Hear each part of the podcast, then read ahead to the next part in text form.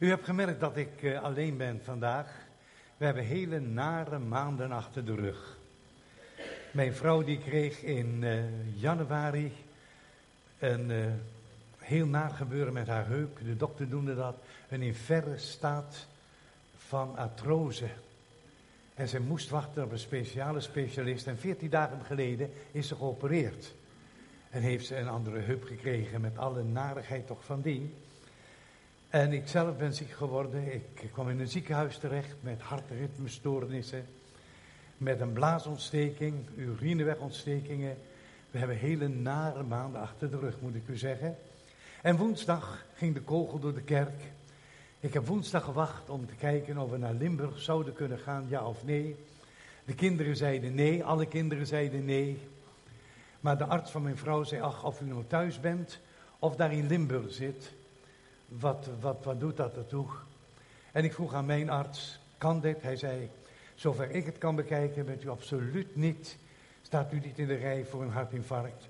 Het was alleen maar een hartritmestoornis. Ik zeg, hoe komt dat dokter? Hij zegt, omdat u op uw leeftijd toch een beetje te hard werkt.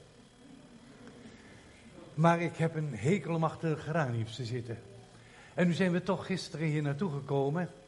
En ik moet zeggen, we zijn zo blij dat we hier zijn. Kinderen wilden mee. maar we zeiden, jongens, laten we maar rustig samen gaan. Het is een heel mooi huisje wat we jaren altijd, dat huren we dan. En als je dan met z'n vieren bent, nog een paar grote mensen erbij, dan loop je elkaar gewoon voor de voeten. En zij zit dus thuis, dat vind ik wel even vervelend. Als we thuis zijn, dan kan ze de kinderen bellen of de buren bellen. En nu zit ze daar alleen maar, ik heb instructies gegeven. Dit mag je doen, dit mag je niet doen. En daar zal ze zich natuurlijk ook aan gaan houden. Dus dat waren hele vervelende maanden. Ik heb ook niet elke zondag kunnen spreken. Ik heb heel wat diensten helaas af moeten zeggen. En ik denk dat hier iets verkeerds is gebeurd. Want er werd gezegd van, uh, dit zal mijn laatste dienst hier zijn. heb ik dat gezegd? Wie weet dat nog? Steek, steek uw hand op. Hoe is het mogelijk dat mensen mij zo verkeerd begrijpen? Het zou best kunnen, maar ik sta dit jaar vol en ik ben volgend jaar ook vol, behalve juni. Ik heb juni opengelaten natuurlijk weer voor Limburg. En uh, ik hoop dat nog heel wat jaren te doen. Ik, we hebben dus wat, wat mankementen. Dat als je 84 bent, dan gebeurt dat. Maar de dokter zei tegen mij, wat bent u ontzettend flink, wat bent u helder. En ik zei, dokter, u volkomen gelijk, maar het meubilair hier is aan vervanging toe. En ik denk, als je 84 bent, dan komen de hartklachten, dan zijn er nierproblemen, dan is er een hernia en weet ik wat er allemaal is. Ik ben aan vervanging toe. En nu zult u misschien zeggen, ja, je bent een pinkster, maar je kan bidden om genezing. Dat kan ook. Alleen ik doe dat niet meer.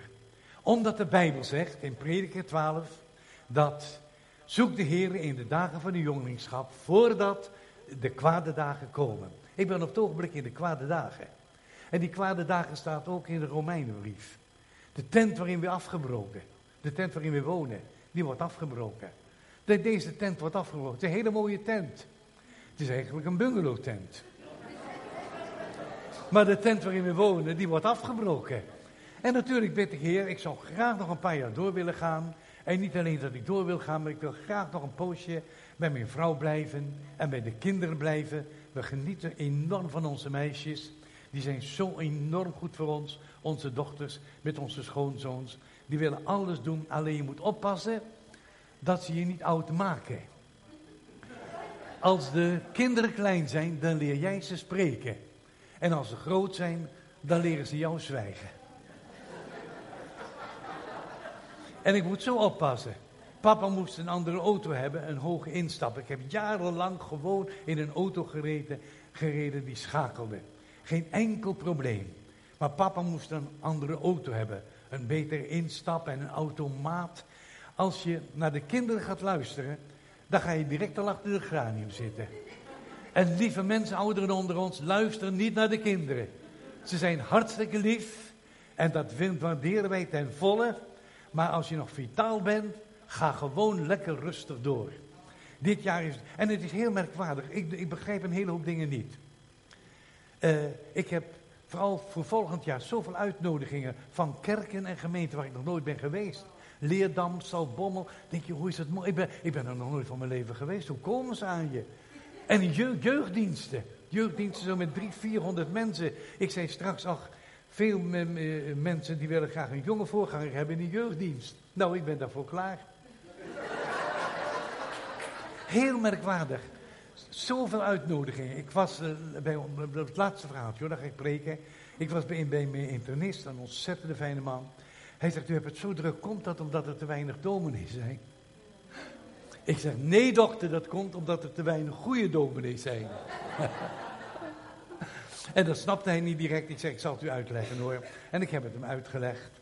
En het is heel merkwaardig, ik heb een, een dubbele positie. In de kerk ben ik de Pinksterman en in Pinkstergemeente ben ik kerkelijk. Heel merkwaardig, maar ik ben wie ik ben. En ik kan u eerlijk vertellen, ik vind het heerlijk om te preken.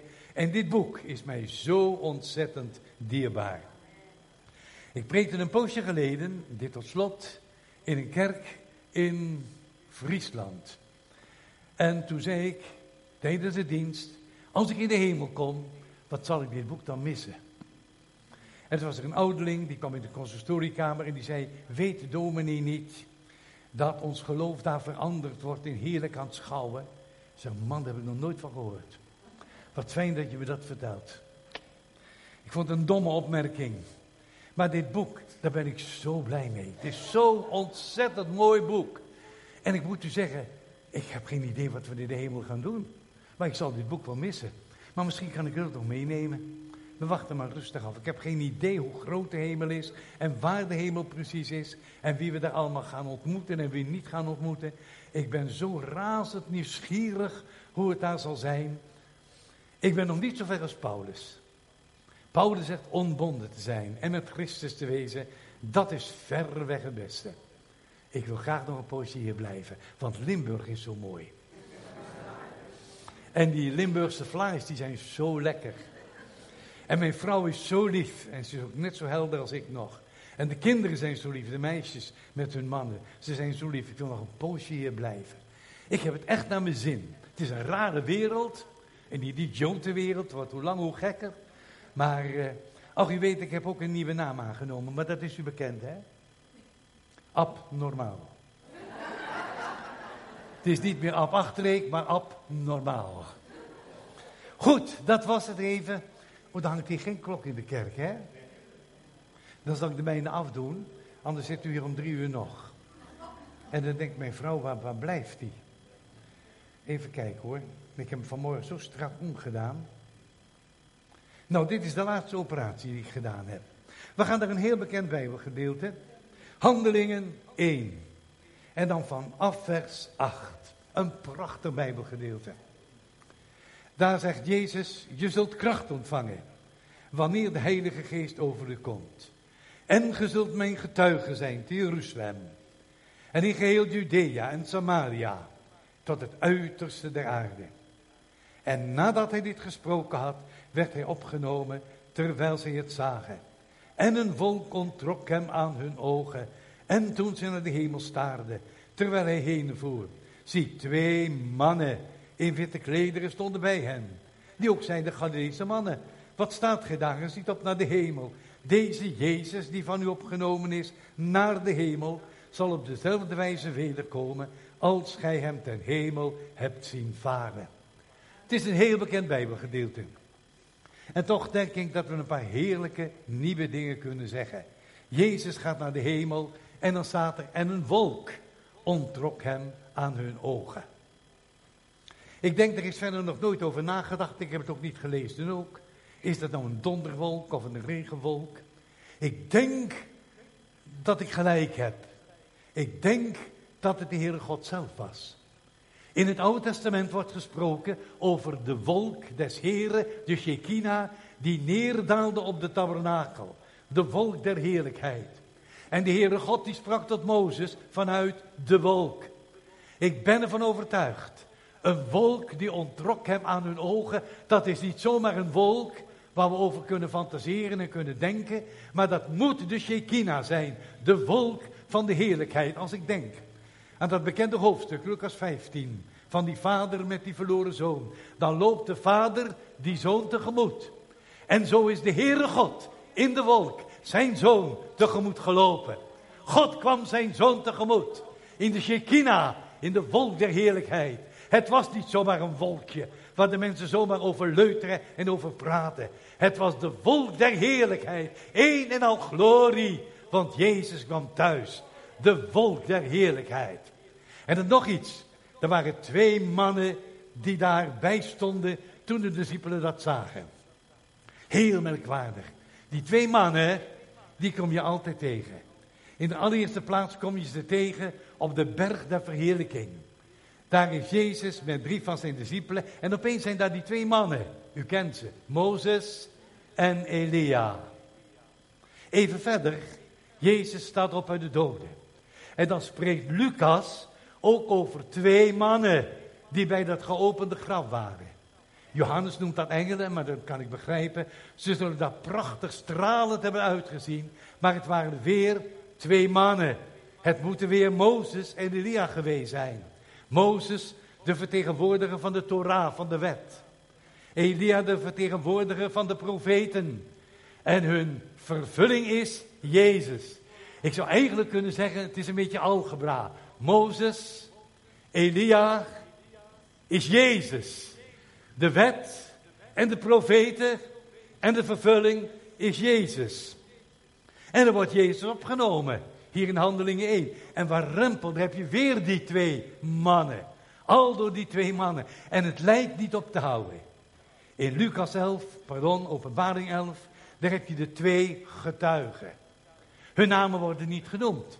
Maar de ene getuige was in staat om van water bloed te maken.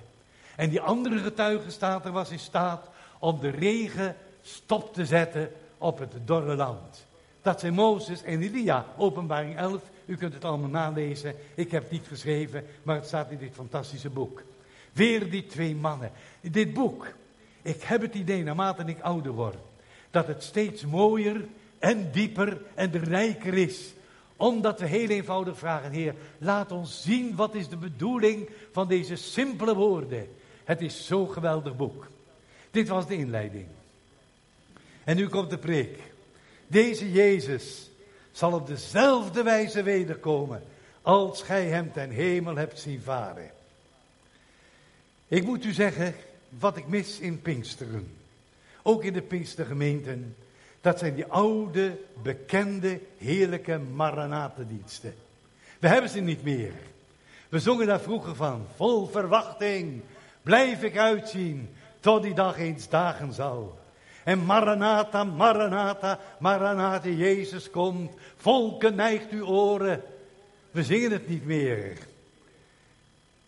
Heerlijk die oude Maranatha-liederen. Very soon en very soon. We are going to see the king. We zien het zo weinig. Daar staan ook wel liederen in opwekking. Die vertellen over de koning die komt. Maar ik denk je kunt ze misschien op één hand tellen. Toen ik een paar dagen geleden Johan de Heerbundel nog eens in handen kreeg. Je, je struikelt over de Maranatha-liederen. Ik heb nooit meer Maranatha-samenkomsten gehad. En ik weet ook wel een beetje wat de oorzaak is. Toen we vervuld werden met de Heilige Geest. Ach, toen kwam daar de Heilige Geest in ons leven. Met al zijn gaven, met al zijn vrucht. Het was zo fascinerend dat we eigenlijk een beetje vergeten zijn. Dat Jezus ook nog terugkomt. Vandaar dat ik eigenlijk de afgelopen weken gedacht heb. Ik ga een keer een Maranatha-preek houden. De Bijbel staat er vol van. Jeremia al, Jeremia 23. Want de dag komt, luidt het woord van de Heere, Heere, dat ik aan David een rechtvaardige spruit zal verwekken. En die zal als koning regeren. En zijn naam is Jezus. Het is een ouderwetse preek, pas gemaakt hoor. Het is geen oude preek uit de doos of uit een bureaula. Ik moet u ook eerlijk zeggen, die heb ik wel, maar die gebruik ik niet meer. Die kan ik ook niet gebruiken. Het is dus een Maranatha-preek. En ik moet u zeggen, ik ga meteen met een groot probleem beginnen. Maar ik heb er een antwoord op. Daar staat in openbaring 3 vers 11, Jezus schrijft aan de kerk van Philadelphia, ik kom spoedig. Houd vast wat ge hebt, opdat niemand uw kroon zal roven. Ik kom spoedig. En als we gaan naar het laatste Bijbelboek, Openbaring 22, dan staat het er notabene tot drie keer toe.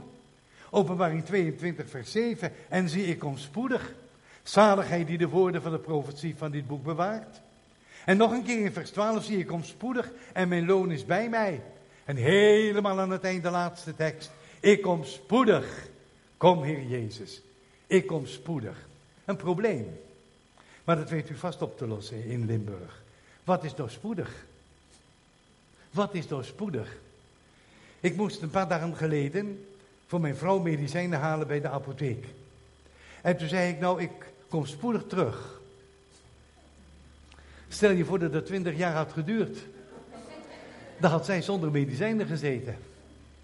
Wij krijgen nog wel eens voorgangers bij ons thuis, jonge voorgangers. Die willen dan even praten.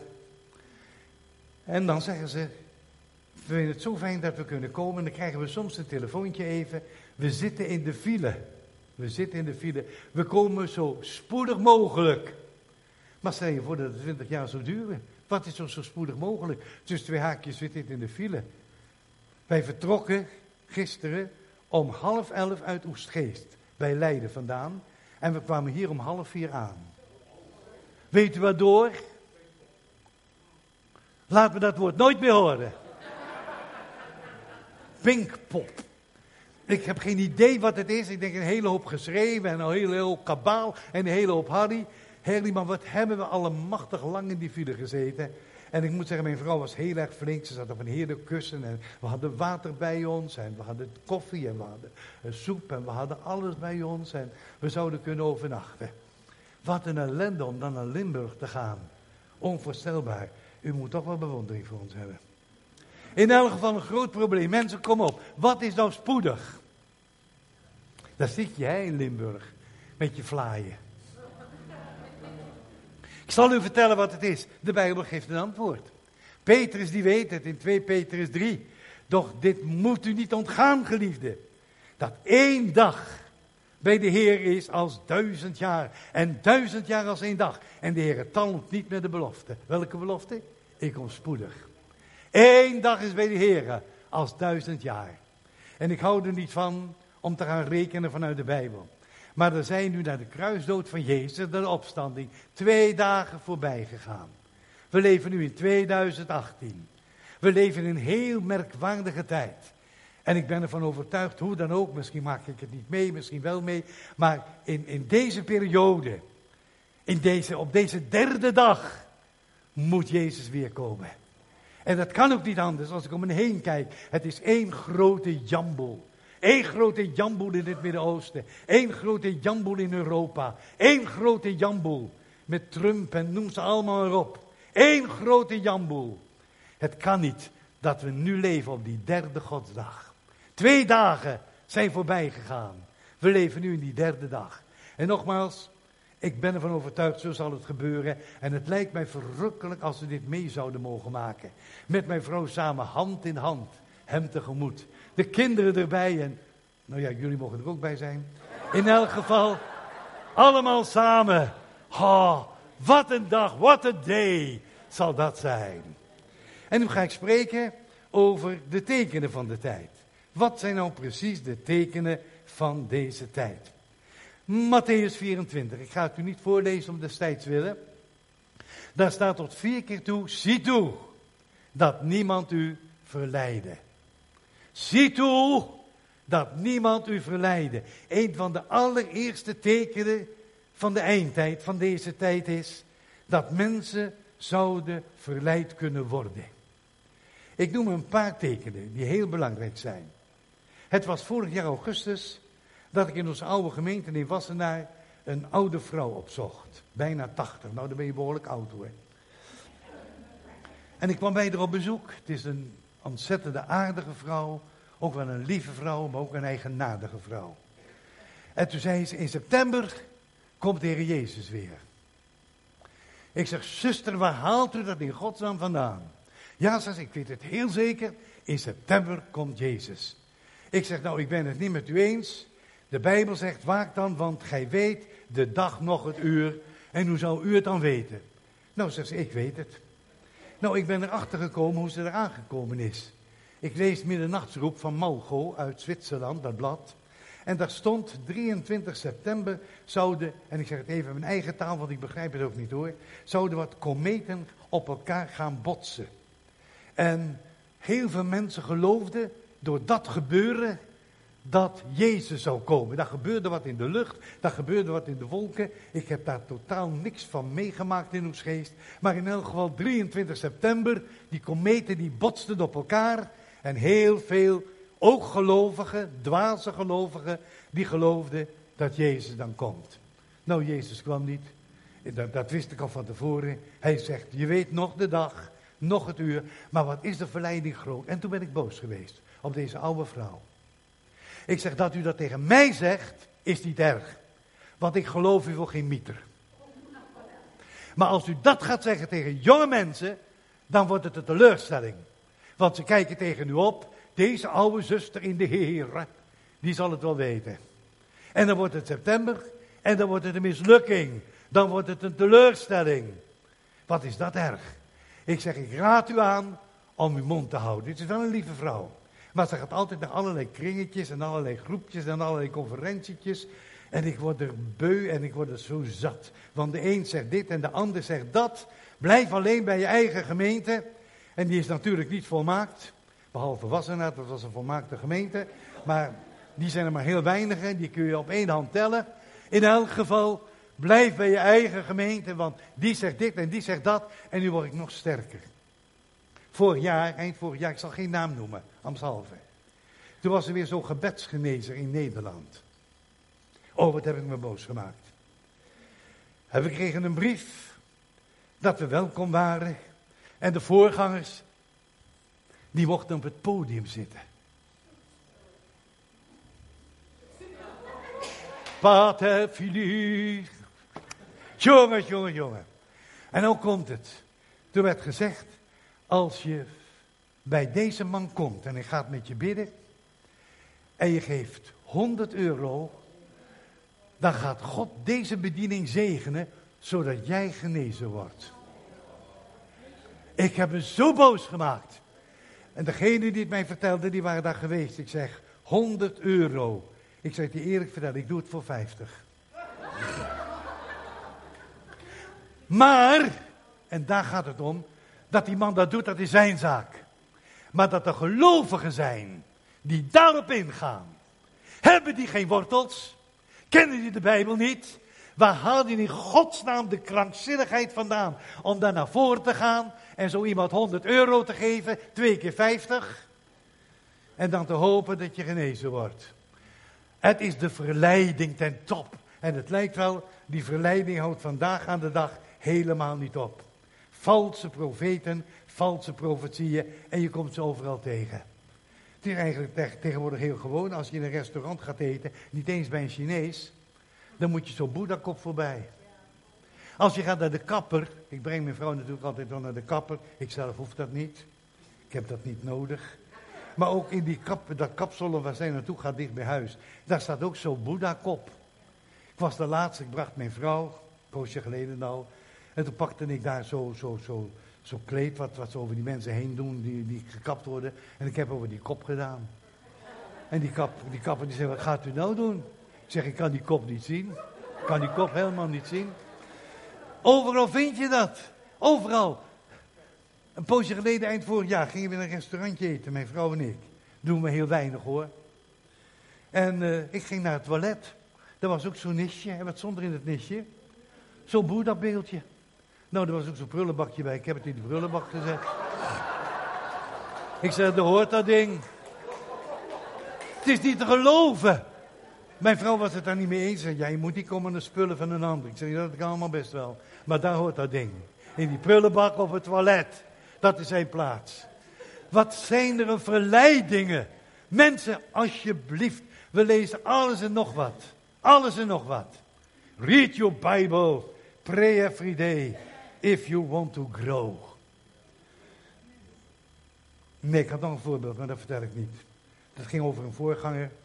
Deze vrouw is naar het satanisme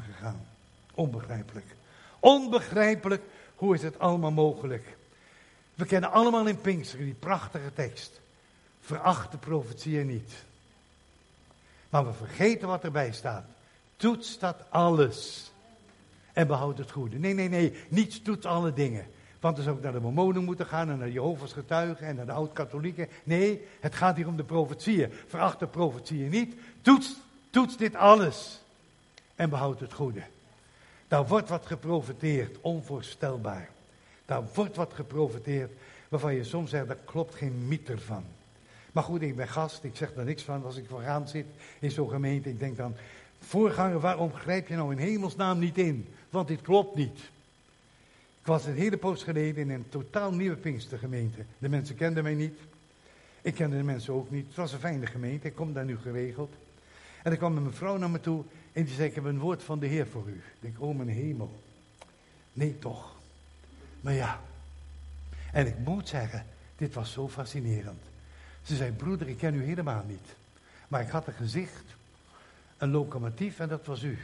En daarvoor een hele grote locomotief en dat was Jezus. En daarachteraan allemaal van die wagons. En ik zag heel duidelijk allemaal verschillende namen. Gereformeerde gemeente, hervormd, Pinkstergemeente, volle evangelie. Ik zeg, zuster, maar dat klopt. Dit, dit klopte. Inderdaad, ik ben een wat locomotief. Een behoorlijke locomotief. Maar voor mij is een hele grote locomotief. En zijn naam is Jezus. En inderdaad, erachteraan allemaal van die, uh, van die wagentjes. Hervormd, gereformeerd, baptist. Al, ook allemaal sectarische groepen. Ik heb de vorige week nog een keer gesproken in, in, in, in een sabbatsgemeente op zaterdag. U zegt, kan dat dan? Ik heb het in die voorganger gezegd, ik wil graag bij jullie komen spreken als jullie dit willen, maar ik denk anders. Ik geloof in de eerste dag der week. Jezus stond op, op de eerste dag der week. En wat Constantijn heeft uitgesproken, dat is zijn zaak. Maar Jezus stond op de eerste dag der week. En dat vier ik. En toen ik er binnenkwam, toen stond daar iemand bij de deur en die zei, Shabbat Shalom. Ik zei, prijs de Heer, God is opgestaan op de eerste dag van de week. ik doe geen water bij de wijn, maar overal waar mensen mij vragen. Iemand zei laatst tegen mij, als nou Jehovah's getuigen jou zouden vragen om te komen preken, zou je dat doen? Direct. Direct. Ik ging er direct heen met het zwaard van de geest. En dan geloof ik in revival. En ik geloof ook nog in overwinning. Een van de eerste tekenen van de wederkomst van Jezus, dat is verleiding. Mensen, laat je toch niet verleiden. Hou je ogen open. Want er gebeurt zoveel om je heen. Tweede teken van de wederkomst vind je in Matthäus 24, vers 12. En omdat de wetsverachting toeneemt, zal de liefde van de meesten verkillen. Wat is nou de wetsverachting? Laten we nog heel gewoon tegen elkaar gaan zeggen. Dat betekent, er is geen gezag meer. Men erkent geen gezag meer. Wat is er veel veranderd in die laatste 20, 25 jaar? Ik zal u gewoon een paar simpele voorbeelden noemen. Ik denk gewoon aan de basisschool, de lagere school. Daar spraken wij tegen de mevrouw die voor de klas stond aan als juf. Ouderen kun je het toch herinneren. Als je in de klas zat en je moest naar de wc, wat deed je dan? Twee vingers, of, ik zie van ouderen weten dat nog. Twee, als jullie ook vandaag moeten, steek even twee vingers op. En dan weet ik, linksaf, rechtdoor, beneden. Twee vingers opsteken. Juf. En juf zegt, ga je gang maar.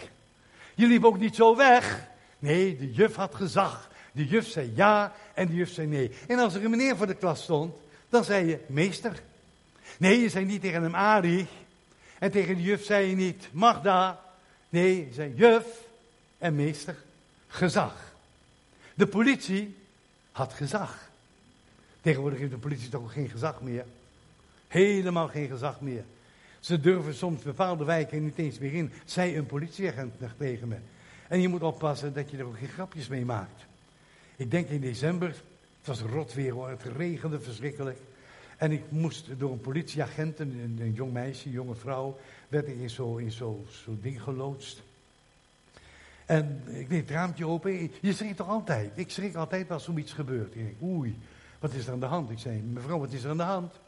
Ze zei, heb u, heb u een glaasje op? Ik zei, twee. Ze zei, ha, ha, ha, u bent de vrolijkste, hè? Het was een, het was een hoor. Ha, ha, ha, ha.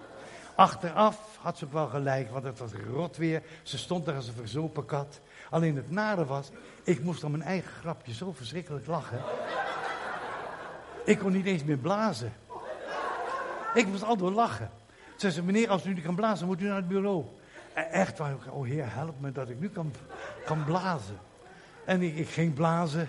En ik heb ook nog een hele goede blaas. Al was hij pas ontstoken, maar toch nog een goede blaas. En het was prima. Ze u kan doorrijden. Ik zeg, dank u wel mevrouw. Ik was heel vriendelijk. Ik denk, ik had het niet moeten doen, want het was rot weer, het was kletsnat. En zij deed ook te werk. Ik denk, ach, bewaar. Mijn vrouw zei, bewaar die grapjes al voor jezelf. In elk geval, maar voor de politie hebben wij geen, geen respect meer. De dokter spreken we toch ook niet meer aan met dokter. Maar we zeggen gewoon, dag Jan, dag Jan tegen hem, of dag Karel. Uh, ik moest, toen ik uh, dominee wilde worden, het zou nu anders geweest zijn hoor, moest ik toch naar een universiteit. En dan moet je het gymnasium hebben. In die tijd moest ik de rector aanspreken met meneer de rector. Meneer de rector, heb u even tijd voor mij? Meneer de rector, kan ik vandaag even met u spreken? Ik ben nog zeven jaar ziekenhuispredikant geweest. En als ik dan zo langs de balie liep, dan was daar de kamer van de directrice. En ik ging altijd even naar binnen om haar te groeten als de deur open stond. En wat zei ik dan? Goedemorgen, directrice. Ik zei niet, goeiedag, goedemorgen, Marie. Goedemorgen, directrice. En zij zei, goedemorgen, dominee. Dat is fantastisch. Dat waren gezagsverhoudingen. Ik herkende haar als directrice. Nou, u die in het Roomse land woont, wat zeiden ze vroeger tegen de pastoor? Meneer pastoor. De mensen in Wassenaar zeggen tegen de pastoor, zeggen ze, uh, Michel, aardige kerel, gelovige vent ook, wederom geboren. Maar Michel, maar niet meer meneer pastoor. Hoe sprak je voortaan? De ouderen weten dat niet. Maar een minister aan, excellentie. Tegenwoordig is het, hey Mark, hoi Mark. En vroeger zeiden ze, excellentie. Het is zo veranderd. En ach, dat kunnen we misschien niet meer terugdraaien. Ik lees altijd, of ik las altijd in de Telegraaf, die columns van professor Dr. Smalhout. Oh, fantastisch. Jammer dat, dat soort goede mensen gaan allemaal dood, hè. Of ze nemen een afscheid. In elk geval, Smalhout had een prachtige uh, column altijd. En hij schrijft in een van zijn columns, ik heb hem bewaard. Hoe is het gekomen dat er geen gezag meer is? Nou, dan komt het hoor. We zijn begonnen elkaar te tutoyeren. Ik had tatoeëren staan. Dat is weer wat anders, hè? Tatoeëren is weer wat anders. Dat is dat je hier een hoge rotzooi hebt en hier en hier. Dat is tatoeëren. Hoe is het mogelijk? Ja, misschien zijn er ook wel mensen onder ons die het hebben. De heer Zegen, hoor. Ik vind het afschuwelijk. Ik vind het rampzalig. Maar goed, daar gaat het nou niet over. We zijn begonnen elkaar te tutoyeren. En zo gauw je tegen elkaar jij en jou gaat zeggen, dan is er helemaal geen gezag meer. U zegt, wat zeggen de mensen tegen jou in Wassenaar? Nou, ik ben meegegaan in die stroom van het moderne denken. Ze noemen mij ook gewoon bij mijn voornaam. Alleen enkele kerkelijke mensen die lid geworden zijn van de gemeente, die zeggen altijd nog keurig dag dominee. En dat vind ik ook wel heel leuk, want ik ben het uiteindelijk wel. Ik kan er ook niks aan doen. Moet u hem ook niet kwalijk nemen. Het is helemaal zo. Daar is het mee begonnen. Je ziet een enorme afgang. Er is geen gezag meer. Van kinderen niet naar hun ouders. We hebben tegen onze kinderen ook gezegd, jaren geleden. Als jullie het zo fijn zouden vinden om tegen ons te zeggen, jij en jou. En ons bij de voornaam te noemen, dat mag dat. Als ik jullie zou helpen, dan mag dat. En ze zeiden nee hoor. We zeggen altijd papa en mama en ze zeggen u, het is zo mooi. Ik woon in een dorp op Geest. Zo'n mooi dorp. En dan gebeurt het wel dat ik boodschappen doe even in de dorpstraat. En dat een van onze dochters daar toevallig ook loopt. En die roept dan op een afstand, papa. Dat is zo mooi. Mensen, dat, ik herken ook direct haar stem. Papa. En dan weet ik precies wie het is. De jongste of de oudste. Ik weet het, en ik vind het zo mooi. Dat klinkt als muziek in mijn oren. Papa. Ha, wat is dat mooi. En vandaag is het feest. Het is papadag. Vaderdag. En dan krijgen we cadeaus op vaderdag. Het is verrukkelijk. En ik zag vanmorgen, toen ik toch in de slaapkamer nog bezig was, en moesten dingen opruimen natuurlijk. Mijn vrouw kan dat niet, ik ben nu mantelzorger. Toen zag ik er ergens verstopt ook een cadeau. Ik ga straks gauw op u zang. zeiden we in Twente. Naar huis, want ik krijg een cadeau. Het is vandaag Vaderdag. Geen, afscheid, geen afscheidsdag, maar het is Vaderdag. Nou, dat is dat tweede stukje wat ik wil noemen. Daar staat nog een tekst in de. Ja, die is moeilijk. Ik heb er nog nooit over gesproken en ik durf het nog niet hoor. Daar staat in de Hebreeënbrief, gehoorzaamt uw voorgangers en onderwerpt u aan hen. Dat is een moeilijke tekst. Ik weet, ik weet gemeente, dat het moeilijk is. Want voorgangers kunnen manipuleren. Wat kunnen voorgangers manipuleren? Ik heb ze gekend. Ik heb een voorganger gekend, die keek of de mensen hun tiende gaven. En als ze dat niet deden, dan konden ze niet bij hem terecht voor een gebed voor genezing. Onvoorstelbaar. Ik heb een voorganger gekend die zei, als je de gemeente uitgaat, dan raak je onder mijn salving vandaan en pas dan maar op. Dat is de ziekte en noem het maar op. Onvoorstelbaar. Voorgangers kunnen manipuleren. Maar gemeenten kunnen soms ook ongehoorzaam zijn. Maar goed, daarvoor ben ik hier niet. In elk geval, dat was dat tweede punt van de wetsverachting. Gezag, hè. Gezag is ontzettend belangrijk. Als ik spreek in de gemeente Commensie, in, uh, in, hoe heet dat ook weer, in uh, Capelle, Capelle de IJssel. Wat zijn dat lieve mensen. Die mensen die daarboven wonen, ten broeke, die oude voorganger met zijn vrouw. En nu de nieuwe voorganger, Christian. Maar dan merk je altijd, ik zeg tegen Christian, zeg alsjeblieft jij tegen mij man. Hij zegt altijd u. Hoe denkt u daarover? Hoe zou u dit doen? Ah, wat een magnifieke kerel. Twee uh, gemeenten waar ik graag kom. Kapel aan de IJssel en dan ook Schinna. Alleen het is hier mooier. Alleen de soep in Capelle, die is lekkerder. Ik ga altijd naar boven, naar, het oude voorgangers-echtpaar. Wim en, en zijn vrouw en, uh, en Geertje. En die heeft echt een soort heerlijke soep voor mij. En de vorige keer was ik ook alleen, mijn vrouw was er niet bij. Toen gaf hij ook nog een hele, hele doos mee. Zo lief ingepakt. Wat, wat zijn dat lieve mensen daar? Heb ik hier nog nooit gehad, soep. Maar wie weet, zo'n kleine hint. Je kunt het gewoon inpakken in zo'n doos. Daar ook weer cellofaan over doen en deksel. En ik kan het zo meenemen. No problems. No problems. Ha, de derde wederkomst. Oh, ik kom spoedig. Ik ben zo blij met deze preek. Ik ga nog even weer naar Matthäus 24, vers 7. Er zullen nu hier en dan daar hongersnoden en aardbevingen zijn. Oeh, nu moet ik oppassen dat ik lief blijf hoor. Ik lees het blad Elsevier altijd. En Elsevier schreef, stel de wereld draait door zoals nu, dan wordt het steeds onplezieriger. Daar is grote schaarste aan voedsel en water. Er zijn oorlogen. Het elastiekje staat strak. Het is wachten totdat het pad zegt. Aardbevingen, een nucleaire oorlog, een of systemen die elkaar in elkaar donderen. Hoe dan ook, de wereld zal vergaan. En nu komt een prachtige zin. Russische wetenschappers die stellen dat het aantal natuurrampen sinds 1974 met 500% is toegenomen. En waarom word ik nu een beetje boos? Nou krijg je theologen, dominees en noem dat, dat soort gassies maar op. Die zeggen, ach, daar zijn altijd hongersnoden geweest. Daar zijn altijd aardbevingen geweest. Daar is altijd ellende op deze wereld geweest. Altijd. Dus maak je niet druk. Het is er altijd geweest. En dan komen die Russische wetenschappers en die zeggen sinds 1974 is dat met 500% toegenomen. Duidelijk willen die mensen zeggen, dit woord, zonder dat ze dit woord kennen, is het waar. Er zullen nu hier en dan daar hongersnoden en aardbevingen zijn. Je hoort toch telkens van natuurrampen. Een paar weken geleden, misschien vorige week, was er zo'n natuurramp in, in, in, in Duitsland, hier vlak bij de uh, Limburgse grens. Hier zijn ook nog bepaalde plaatsen volgelopen met water. Dat we elkaar zeiden, moeten we daar naartoe gaan? Of moeten we onze zwemvesten dan meenemen? Wat, wat, wat, moeten we doen, wel eens of niet eens? Je hoort toch tegenwoordig, weet je wat zo merkwaardig is? Die orkanen die zijn er. Hè? U leest toch ook kranten? Hebben ze hier een krant in, in uh, Limburg? Hebben ze kranten? Nou, in de krant lees je telkens van orkanen. Vindt u het niet merkwaardig? Ik kan er niks aan doen. Maar die orkanen hebben meisjesnamen altijd. Vrouwennamen. Dat is toch merkwaardig? Ja, ik kan er niks aan doen. Kijk me zo aan alsof het mijn schuld is. Heel merkwaardig.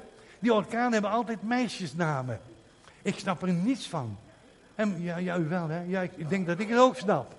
Want er is een combinatie van de... Ja, ja, ja, dat is het ook. Die orkanen die lijken op, op die meisjes. Het is altijd een working. Nou, daar heb je het antwoord. Heel eenvoudig. Lieve mensen, het is toch zo duidelijk. Die wederkomst van de Heer. Eerst die verleiding. Dan die wetsverachting. Dat ontkennen van gezag. En nou dat noodweer weer. Je leest het elke dag. Er gaat geen dag voorbij of je komt ermee in aanraking. U moet die punten wel onthouden, hè? Volgend jaar ga ik ze weer vragen. Waar heb ik over gepreekt? Wat is het volgende punt van die wetsverachting? 2 Thessalonicense 2 vers 3. Laat niemand u misleiden, want eerst moet de afval komen. En de mens van de wetteloosheid zich openbaren. Dat is de zoon des verderfs. Billy Graham die vertaalt het heel erg mooi. Heel goed ook. Hij vertaalt het niet met afval, maar met verval. Eerst moet het verval komen. Als je denkt aan afval, ach, dan kun je direct zeggen, ach, kijk in Nederland, naar heel Europa. Al die kerken, katholiek en protestants, ze lopen allemaal leeg. Dat is de afval. Hoe wat andere ook waar is, in China komen duizenden mensen tot geloven, tot bekering. In Korea komen duizenden mensen tot geloven, tot bekering. Ik zou liever het woord afval niet willen gebruiken, maar het woord verval. Eerst moet het verval komen. En wat is verval? Heb je er eens over nagedacht?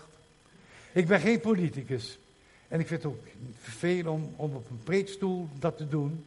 Maar als ik denk aan meneer Pechtold en de zijne met dat voltooide leven. Onvoorstelbaar. Ik denk, als ik bij die club hoorde dat ze al hadden gezegd, na, na die hartritmestoornissen, nou dat leven van die man is voltooid, geef hem een prikje. En hij ziet wel wat hij terecht komt dan. Voltooid leven. Euthanasie. Ik kan me voorstellen als iemand heel erg ziek is, heel erg ziek is, dat een dokter zegt, ik geef wat extra morfine tegen de pijn. Ik geef nog wat extra morfine en ik laat hem rustig inslapen. Dat kan ik me nog indenken. Wat een toestand, de euthanasie, abortus. Onvoorstelbaar. Wat gebeurt er ongelooflijk veel. Mensen rotzooien. En die kleine kinderen, die worden gedood. Wat ik nu zeg, daar ben ik heel voorzichtig mee, want ik ken u niet.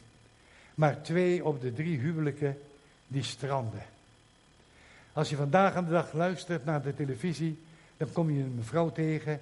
Dat is dan een alleenstaande moeder. Alleenstaande moeder. Wij kregen pas buren tegenover ons met een paar kindjes. En eh, die mevrouw kwam heel aardig naar me toe en zegt, u bent waarschijnlijk de nieuwe buurman. Ik ben, weet ik hoe ze heten. Ik ben een alleenstaande moeder. Later in die, uh, in die laan waar wij wonen, kwamen ook nieuwe mensen en die gaven me ook keurig een hand. Ze zeiden, wij zijn een samengesteld gezin.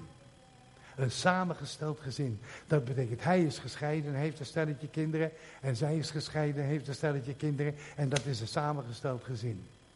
De mensen hebben niet in de gaten hoe ontzettend veel ellende ze berokkenen bij kinderen.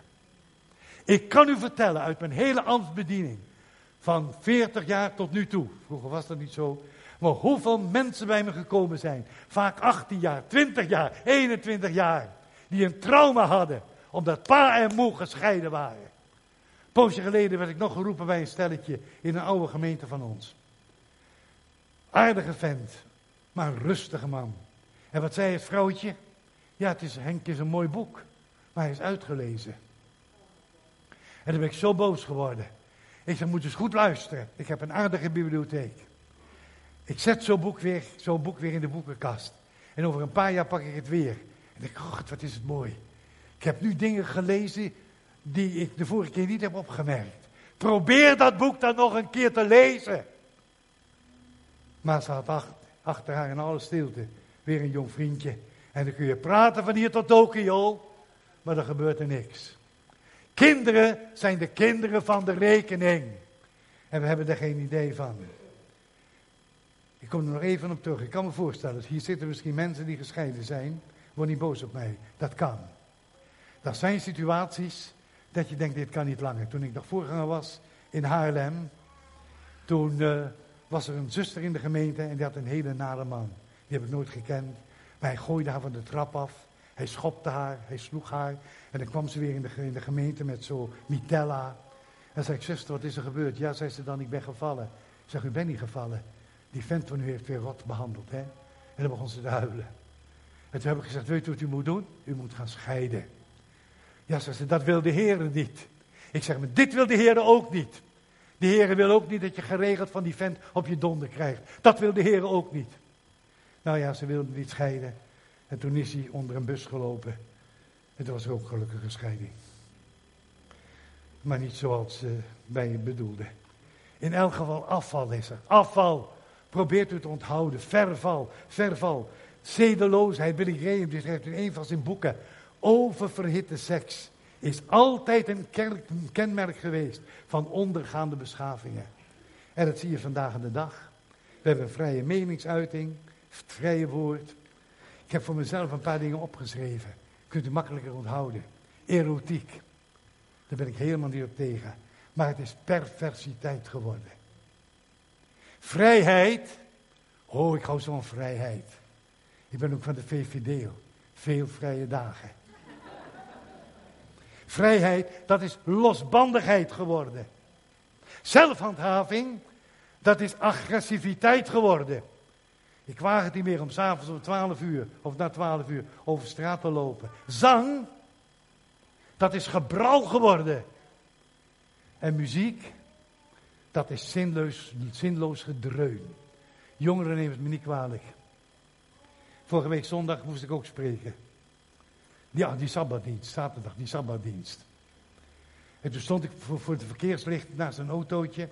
En die vent die had muziek aan. Wat een rotmuziek. Boem, boem, boem, boem, boem, boem, boem, boem. Het is echt waar, het zal psychisch zijn.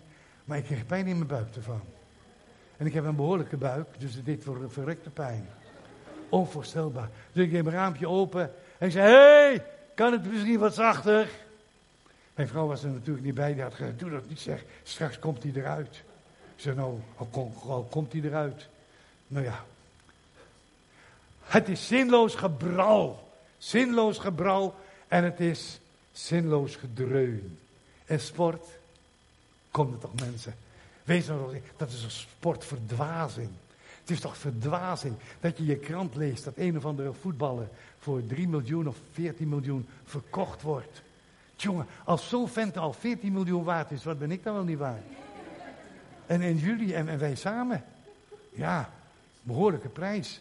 Onvoorstelbaar. Sportverdwazing.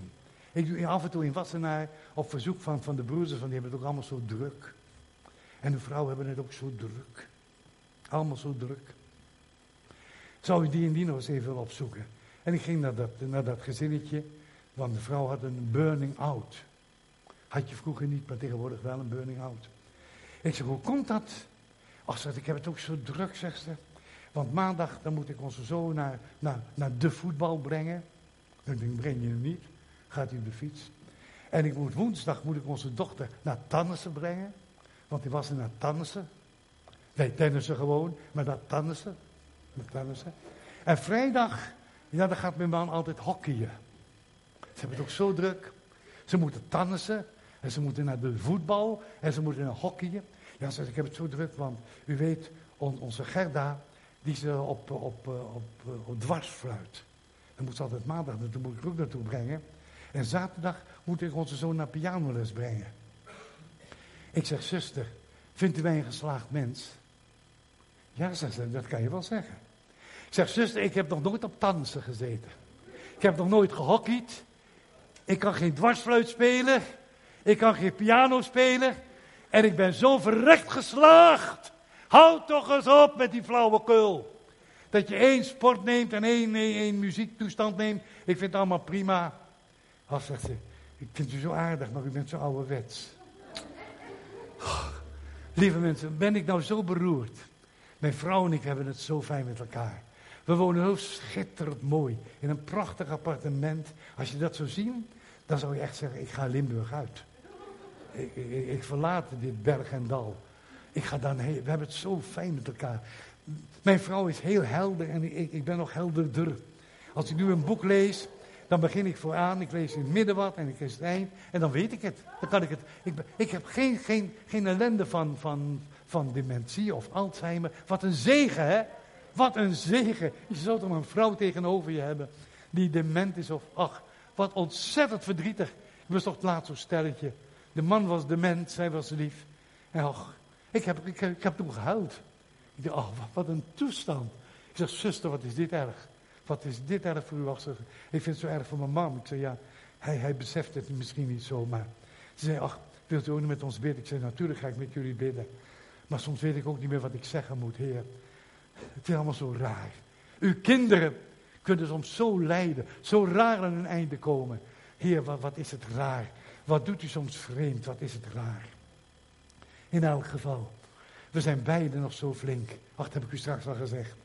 Ik vind het leven nog zo mooi. Ik ben zo blij dat we niet van tafel die dekje moeten eten. Maar dat mijn vrouw nog lekker kan koken. Mm. En ik hou er zo van. Ik hou er zo van. Ik ben soms zo benieuwd, zouden we in de hemel ook eten? Ja, zou er in de hemel ook zuurkool zijn? Jullie weten zoveel. Het lijkt me zo lekker. Zuurkool in de hemel. Ik weet dat er hier mensen zijn die vinden mij een heel rare man. Maar onthoud mijn nieuwe naam, ik ben abnormaal. Ik heb er nog één, daar ga ik stoppen hoor. Ik heb er nog veel meer, maar ik maak het ook niet te lang. Het is geweldig. Er is nog één tekst die zo mooi is voor de eindtijd. Daniel 12, vers 4. Gij, Daniel, houd de woorden verborgen. Verzegel het boek tot de eindtijd. Velen zullen onderzoek doen. En de kennis, die zal zich vermeerderen.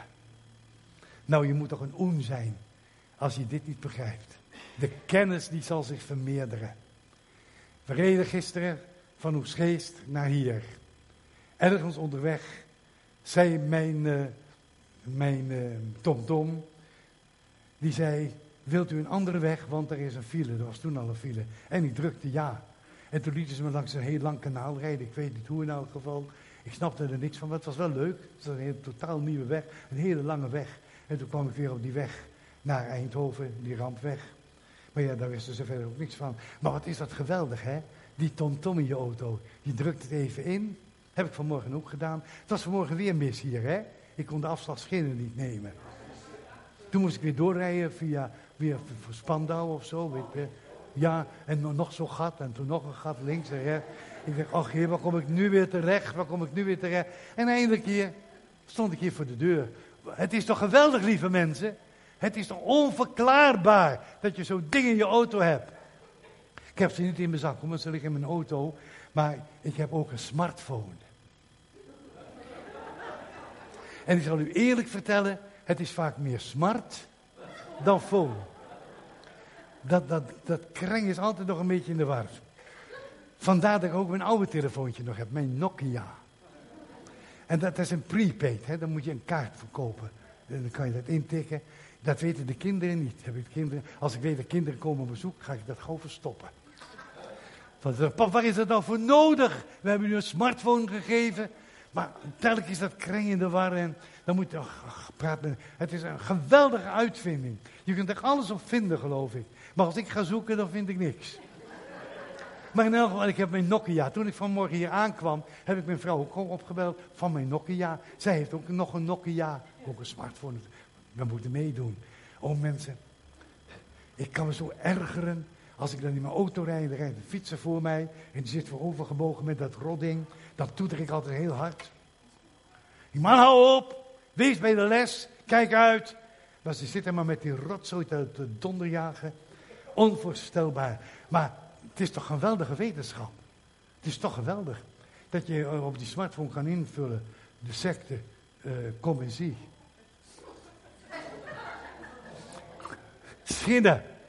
En, en, dan krijg je waarschijnlijk allerlei verhalen over, over, over, jullie.